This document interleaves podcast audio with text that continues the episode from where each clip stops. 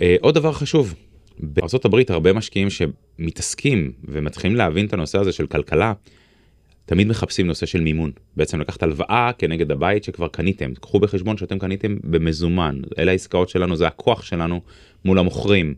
בתים אנחנו יכולים להביא מבתי משפט, מאוקשנים, מבן אדם שלחוץ כלכלית, אה, מ off market, אלף סיבות שאפשר להביא את הבתים האלה. ואנחנו כחברה לא מסתכלים של מי היה הבית, בכמה הוא קנה את הבית, זה לא מעניין אותנו, כי אין לזה סוף. ובטח שלא תמיד אתה יכול לראות ברקורד באמת כמה נקנה הבית, כי אם עכשיו אני קניתי בית ב-60 אלף דולר, יכול להיות שיהיה רשום שהמוכר מעביר לעצמו 30 אלף ו-30 הוא מפזר לאחרים, ואז המכירה תהיה טיפה שונה. למה אני אומר את זה? אותנו מעניין כמה שווה הבית. אם אני עכשיו מביא עסקה ב-60 אלף דולר שהיא שווה 80, אני יודע שאני במקום טוב. לי מבחינתי, מי שמכר לי את הבית, שיקנה אותו באלף דולר, הוא קיבל אותו מתנה. אני לא נכנס לזה. מה שחשוב לי שהעסקה היא טובה למשקיע, היא טובה לי, ואני אגיד את זה, ואני תמיד אומר את זה, ויש לי עדים לזה שתמיד אני ככה עובד. כל עסקה שאני אביא את המשקיע, תורידו את העמלה שלי, או שלנו, של, של החברה, אני אקנה את העסקה לעצמי. אני לא מוציא עסקה אם אני לא מאמין בעסקה הזאת. זה אני מאמין שלי, וזה תמיד ככה, ואני יודע שזה משפט מכירתי, אבל באמת, כאילו גם לי יש בתים שם, אוהב את זה ומאמין בזה. וזה לא הכל מושלם, תמיד אני אומר את זה, לא הכל ורוד. באים משקיעים ואומרים, אני רוצה לקחת הלוואה בארצות הברית כנגד הבית שלי.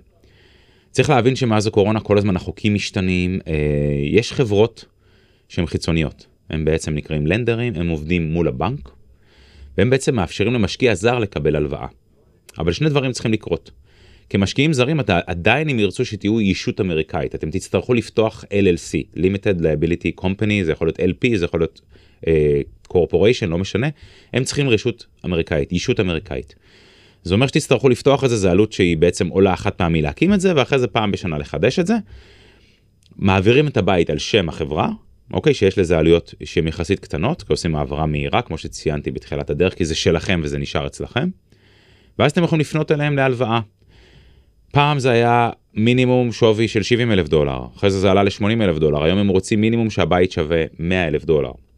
יש כמה חברות שאנחנו מכירים, הנציגים שלהם תמיד מדברים אה, עברית, אז קל לדבר איתם, והם בעצם נותנים לכם, מאשרים לכם הלוואה, אם הבית שווה 100 אלף דולר, הם נותנים בממוצע בין 60 ל-65 אלף דולר משווי הבית. או שאתם קונים, או שכמה יעריך את זה שמאי. עכשיו צריך להבין שבאזורים שאנחנו עובדים לשמאים, אה, אני מבחינתי, אקח את הדוח של המתווך והמתווך יגיד לי, תשמע, בית כזה שווה 100 אלף דולר, מה שהשמאי יגיד לי, אני פחות מתייחס אליו כ... מניסיון שלי. הוא יגיד לי השמאי 120 וזה קרה לי, אני אקח את מה שהמתווך יגיד לי. הוא יגיד לי 80 אלף דולר, אני יודע שהבית שווה יותר. אני יודע את זה כי אנחנו מוכרים בתים של משקיעים שם בשוק המקומי. אנחנו חיים את זה. אבל הם נשענים על השמאים. ולשמאים הרבה פעמים חסר מידע. אין להם את כל המידע, ואני אתן דוגמה, אנחנו הרבה פעמים קונים עסקאות, וקרה לנו מקרה ברחוב אחד שקנינו חמישה בתים. וקנינו אותם בתים ביחסית חורבות שצריך לשפץ אותם. מה שראה שמאי שסיימנו שיפוץ והבן אדם רצה לקחת הלוואה, הוא אמר, אה, ברחוב הזה קנו עכשיו ארבעה בתים, סליחה, אה, חמישה בתים או שישה בתים של חמ... ב-50 אלף דולר, אז כנראה זה שווי הבתים שם. זה לא היה ככה, אחרי שהוא בדק והבאנו לו את כל המספרים, אז הוא הבין שבתים שם שווים את ה-100 אלף דולר, כי פשוט עשינו שיפוץ גדול בכל בית. אז אה, צריך להבין את זה, אבל בכל מקרה הם נשענים על הדברים האלה. אה, אם יש לכם, סתם אני אומר, שלושה בתים בשווי 80 אלף דולר, כי היום הם רוצים 100 אלף דולר מינימום, הם נותנים בעצם bulk של בתים ואפשר לקחת בעצם אה, הלוואה כנגד זה. צריך להבין שהתנאים כרגע מאוד לא טובים ביחס להשקעות ממוצעות שאנחנו מספקים. זה אומר שאם הם יבקשו מכם 8% וההשקעה מייצרת 10%, יש לכם 2% buffer, שלטעמנו זה לא מספיק, אבל תמיד תתייעצו איתנו. התנאים שאני אומר הם לא טובים זה מאוד מאוד תלוי מה יש לכם מנגד. אם יש לנו פליפ עכשיו של 30 אחוזים, אין לנו בעיה לקחת גם הלוואה של 10 אחוזים. שוב, זה מספרים וזה הערכות. ופליפ נשען גם על לוח זמנים מסוים, כמה זמן אתה מעריך שזה יקרה. אז אנחנו נותנים המלצה פה, אתם יכולים לקבל כסף, אתם יכולים אחרי זה להמשיך בעצם, קניתם בית ב-100 אלף דולר, קניתם בית ב-80 אלף דולר, הוא שווה, סתם אני אומר 100 אלף דולר, קיבלתם עכשיו 65 אלף דולר, הוספתם קצת כסף, קניתם עוד בית.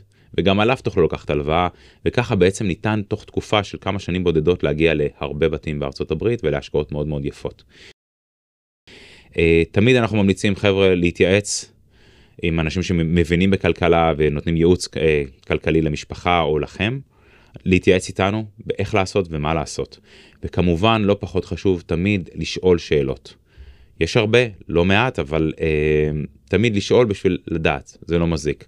הפודקאסט הזה, התפקיד שלו בעצם שתוכלו להקשיב לו, ותוכלו תמיד, מה שנקרא, לשנן את הדברים שאנחנו אומרים, כי הכמות מידע שנתתי פה זה...